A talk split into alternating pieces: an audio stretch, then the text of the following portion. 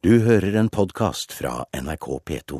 Knut Arild Hareide har tatt plass i studio. Et varsel om et politisk kvarter. Programleder Bjørne Myklebust, KrF skal oppsummere det politiske året i dag. Men det er kanskje først til høsten de kommer med svaret mange venter på? Da skal partiet bestemme seg for hvem de vil sitte i regjering med.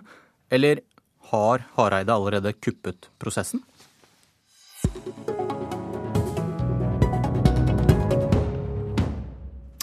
KrF-leder Knut Arild Hareide, velkommen. Tusen takk.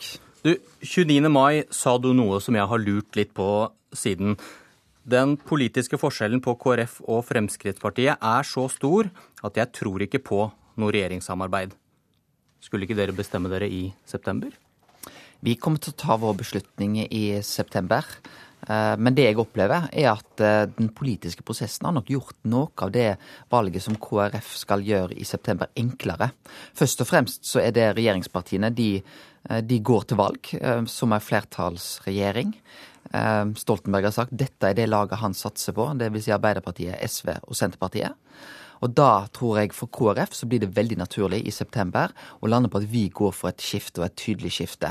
Men er det ikke å overkjøre partidemokratiet du har snakket så mye om, å komme med denne type bastante uttalelser, da? Ja, hva, er det skal, hva, er det dere har igjen å bestemme dere om, egentlig? Ja, Det som var utgangspunktet for, for akkurat det sitatet, var en partilederdebatt i TV 2.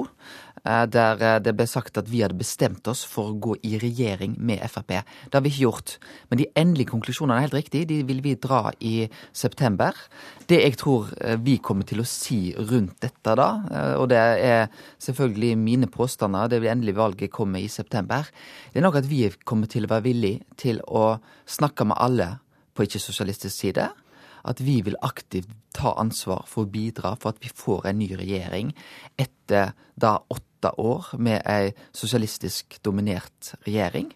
Da kommer vi til å ønske et skifte, og vi kommer til å ta ansvar for det.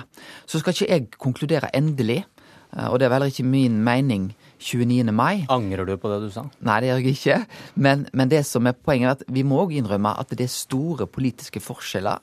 Hvis du legger partiprogrammet eh, til KrF ved siden av Fremskrittspartiet, så er det betydelige forskjeller. Det gjelder distriktspolitikk, det gjelder alkoholpolitikk. Eh, det gjelder en del viktige verdisaker for oss som gjelder kampen mot sorteringssamfunnet, eksempelvis. Men det viktigste, tror jeg, det viktigste signalet vi kommer til å gi i september, er at vi vil, gjøre, vi vil ta ansvar for et skifte. Eh, dersom det blir et ikke-sosialistisk flertall, så vil vi da ta ansvar for at det da blir det innsatt en regjering som, et, eh, som da har et grunnlag på ikke-sosialistisk side. Fremskrittspartiet har som kjent et ultimatum. De skal være med i en regjering for å kunne støtte den. Og hvis da KrF ender med å si at dere mener at et borgerlig flertall bør gi en borgerlig regjering, ja, da blir vel du garantisten for Frp i regjering, da? Jeg har også lagt merke til at Fremskrittspartiet sier det de sier. De sier altså at de vil ikke være med å støtte en regjering som de ikke er en del av. Det som jeg tror KrF kommer til å si, er at vi vil aktivt bidra til at dersom det blir et ikke-sosialistisk flertall, så skal det òg være en ikke-sosialistisk regjering. Så kommer vi òg, tror jeg, til å si at vi vil snakke med alle partiene vi vil ta endelig stilling til det, men det er jo ikke tvil om. Og da ender Frp i regjering fordi de sier at de skal være med, mens dere da kommer til å ende med at de kan få være med, men vi trenger ikke være med. Ja, men det finnes òg alternativ. Jeg eh, skal ikke peke på, på gå direkte inn i det, men det finnes òg alternativ utover det som programlederen nå eh, snakker om. Eksempelvis eh, finnes det da en mulighet for en ren høyreregjering òg. Og så er det, jo klart at, at, Det høres ikke ut som KrF har så mye igjen å bestemme seg for, for du, du har jo svaret på bordet her nå. Jeg tror faktisk det du påpeker her, er at uh, veldig mye av det som KrF har diskutert det siste året, blir tydeligere og tydeligere for hver måned som går. Og det er klart at det jeg sier nå, sier jo jeg på grunnlag av uh, de rundene vi har hatt i landsstyremøtet flere ganger, både i november og senest nå i mars. Og jeg opplever at uh, det som KrF trodde skulle bli en veldig krevende vanskelig prosess, viser seg i realiteten å bli enklere for partiet enn det det kunne se ut til. Og det er òg fordi at Eh, det å få til et skifte. Jeg tror for viktige saker som en større fleksibilitet i familiepolitikken, bedre eldreomsorg, støtte til ideelle, frivillige organisasjoner, ser vi at vi kan nettopp få større utslag for, og større gjennomslag for, ved et regjeringsskifte. Du, Hvis vi nå beholder den lille undringen da, over hvem KrF vil samarbeide med i bakhodet. Mens vi ser på deres kanskje viktigste politiske sak, som jeg vet at du skal snakke om i dag også, familiepolitikken. Hva koster det du skal legge fram i dag? Ja, Det som vi legger fram i dag, det, er en, det har en betydelig kostnadsbeløp. Bare sånn som eh, den fleksible permisjonen vår vil koste opp mot fire milliarder. Eh, så er det klart at eh, når vi Og det er da en ordning som vi ønsker skal være en fleksibel permisjon.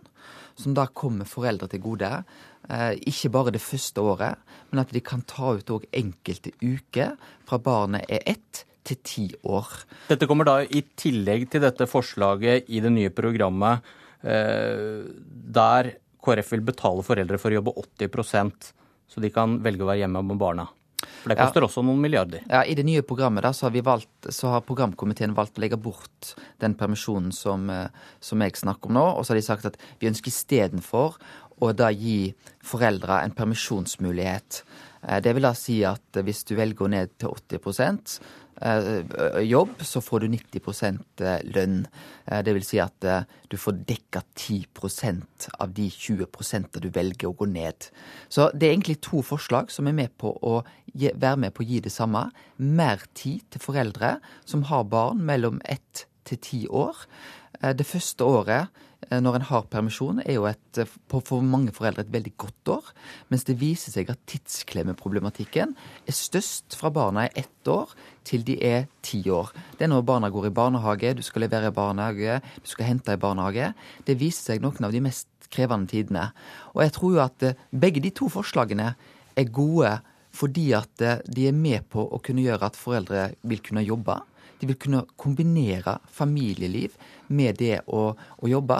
Og det vil ha òg en stor samfunnsøkonomisk lønnsomhet ved at enda flere foreldre som ønsker å jobbe, skal få lov til å jobbe. Og da blir spørsmålet er det rom for milliarder i skattelette med KrF i regjering? Det er nok ikke det KrF kommer til å prioritere. Men får vi muligheten til å gi skattelette, så kommer vi det, gi det til frivillige organisasjoner. Altså ideell virksomhet. Vi syns at den momsen som i dag fins på idrettslag, på musikkforeninger, den syns vi er urimelig. Eh, og det er jo et relativt bredt politisk enighet om at det er en skatt som bør gå bort. Og det er nok den vi kommer til å prioritere dersom vi skal være med på å gi skattelettelser. Men mener du at mindre samlet skattetrykk vil skape verdier, eller vil det tappe felleskassa? Ja, Vi har nok et nyansert syn på det. Vi var helt eh, klart med på å gi betydelige skattelettelser under Bondevik II. Vi gav ikke det til enkeltpersoner, privatpersoner først og fremst, men vi gav det til næringslivet. Og hvorfor gjorde vi det? Jo, vi gjorde det fordi at vi så at det kunne være med å skape nye arbeidsplasser. Det lykkes vi særdeles godt med under Bondevik II. Vi var med på å senke skatte- og avgiftsnivået for, eh, for bedriftene. Men det er vel ikke noe hemmelighet at mange i KrF hadde litt vondt av skattelettene de var med på i Bondevik II? Ja, men vi så jo òg at selv om vi var med på den type skattelettelse under Bondevik II, så opplevde vi altså at helsekøene gikk nedover under Bondevik II. Vi opplevde et forbedra rustilbud under Bondevik II. Det vi har opplevd med den rød-grønne regjeringa som sitter nå, er at helsekøene har gått motsatt vei. De har gått oppover. Og eksempelvis rustilbudet eh, er blitt forverra. Og vi ser jo at en del institusjoner som i dag tilbyr rusbehandlingsplasser, ikke får muligheten til å gi det. Dere skal finne ut hvem dere skal samarbeide med. Vi har snakket om familiepolitikken, som koster mange milliarder kroner. Minervas Jan Arild Snoen han har sagt at KrF er gift for en borgerlig regjering fordi dere ikke støtter viktige borgerlige reformer som gjelder kutt i offentlige utgifter og skattelette f.eks. Ja, jeg er nok ikke enig med Jan Arild Snoen her, og jeg forstår at det er ikke partiet Høyre heller. Men det er viktig å påpeke at KrF er et sentrumsparti. Det vil da si at eh, vi har et nyansert syn på hvor stor andel vi skal ha i privat sektor, i offentlig sektor. Eh, vi er ikke noe skatteletteparti, først og fremst KrF. Men dere skal Hvor... samarbeide med et eh, Høyre som er veldig mye større enn dere? Ja, men vi også, skal òg eventuelt samarbeide med et Høyre som har gått i betydelig retning av sentrum. Vi ser jo at det nye Høyre vi ser nå, har jo tatt etter Moderaterne. Og det er vel et problem for dere? Nei, går mot sentrum? si-? Nei, eh, absolutt ikke. Vi Du er under sperregrensa på en måling i forrige uke. Det stemmer, men eh, i snitt så ligger vi nå på ca. 5% på, på målingene. Og vi har absolutt mulighetene å nå valgresultatet vi hadde i 2009. Eh, Så, så vi ser ikke negativt på, på målingene. Men det er klart at eh, det vi har behov for, er å, å få fram den politiske forskjellen med, med KrF. Og vi er et sentrumsparti. Eh, Vi bygger på de kristne verdiene. Eh, Og vi skiller oss ad fra Høyre på, på mange områder. Men, men derfor så ønsker ikke vi å være en del av den borgerlige familien. Vi bruker jo konsekvent at vi er et ikke-sosialistisk parti, ikke et borgerlig parti. Du har vært partileder i litt over et år. Hva er forskjellen på ditt KrF og KrF under Høybråten? Jeg håper ikke at det er for eh, store forskjeller. Eh, Vi bygger på det samme partiprogrammet. Eh, Det som jeg ønsker selvfølgelig, er å nå ut at KrF eh, skal nå ut til, til nye grupper. Det har vi ikke lykkes med, med så langt. For Høybråten opplevde vel ikke partiet sitt under sperregrensa, gjorde han det? Eh, Det gjorde nok òg Høybråten på enkelte målinger, sånn som vi har gjort nå. Og det er nok fordi at når vi ligger i snitt på, på 5% så får du enkelte målinger ut ifra en statistisk beregning òg under 4% Men det jeg kan si, er at jeg tror både Dagfinn Høybråten og jeg, når vi ligger på 5% så var ikke det noe vi er fornøyd med. Men jeg tror vi har muligheten til å øke. Jeg tror òg at eh, det er mange som ønsker en ny regjering, men som ikke ønsker en blå-blå regjering ved valget i 2013, og det er KrFs mulighet. Takk for at du kom, eh, Knut Arild Hareide. Kommentator i avisa Vårt Land, Åshild Mathisen. Ja, blir Kristelig Folkeparti en garantist for en borgerlig regjering hvis det blir borgerlig flertall? Ja, altså eh, Nå er det så stort trykk for et skifte at eh, KrF vil ikke kunne stille seg i veien for, eh, for en borgerlig regjering. Så jeg tror nok at det hjertet er fullt av osv., det var nok det som skjedde da eh, Hareide sa klart nei til Frp. Altså, eh, det som er viktig for KrF her, det er at man har en prosess der det fremstår som at man ikke er arrogant eh, mot Frp, men der det eh, fremstår som at man er villig til å snakke med partiet, og villig til å, å vurdere et samarbeid. Eh, denne prosessen i fylkeslagene er jo òg litt interessant, fordi at det er jo en slags rådgivende prosess der flere av eh, fylkeslagene har vært ganske uklare i hva de faktisk ønsker. Så dette ligger hos partilederen, og det er jo det vi også skjønner når han eh, sier ganske tydelig at han ikke ønsker å sitte i regjering eh, med Frp. Men, eh, men det vil være veldig vanskelig for KrF å stille seg i veien for en regjering som der eh, Frp deltar. Og hva slags reaksjoner kan han vente seg i partiet da?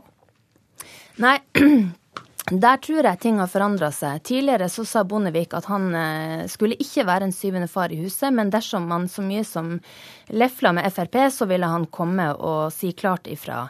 Det tror jeg ikke vil skje lenger. Altså, eh, nå er det f.eks. sånn at det vel er 15% i partiet som ønsker seg rød, et rød-grønt alternativ, eh, eller et rød-grønt samarbeid, mens resten ønsker et borgerlig samarbeid. Eh, og Frp har endra seg. Og KrF har begynt å innse at den kontante eh, og kanskje arrogante holdninga mot Frp, den står seg ikke. Går det an å si noe på 30 sekunder om hva forskjellen på KrF under Hareide og KrF under Høybråten er? Eh, Det vises ikke enda, men, men Hareide ønsker å ha en mye mer åpen retorikk. Det er i hvert fall det vi ser foreløpig. Men i politikk så har vi ikke sett de store forskjellene enda. Du har hørt en podkast fra NRK P2.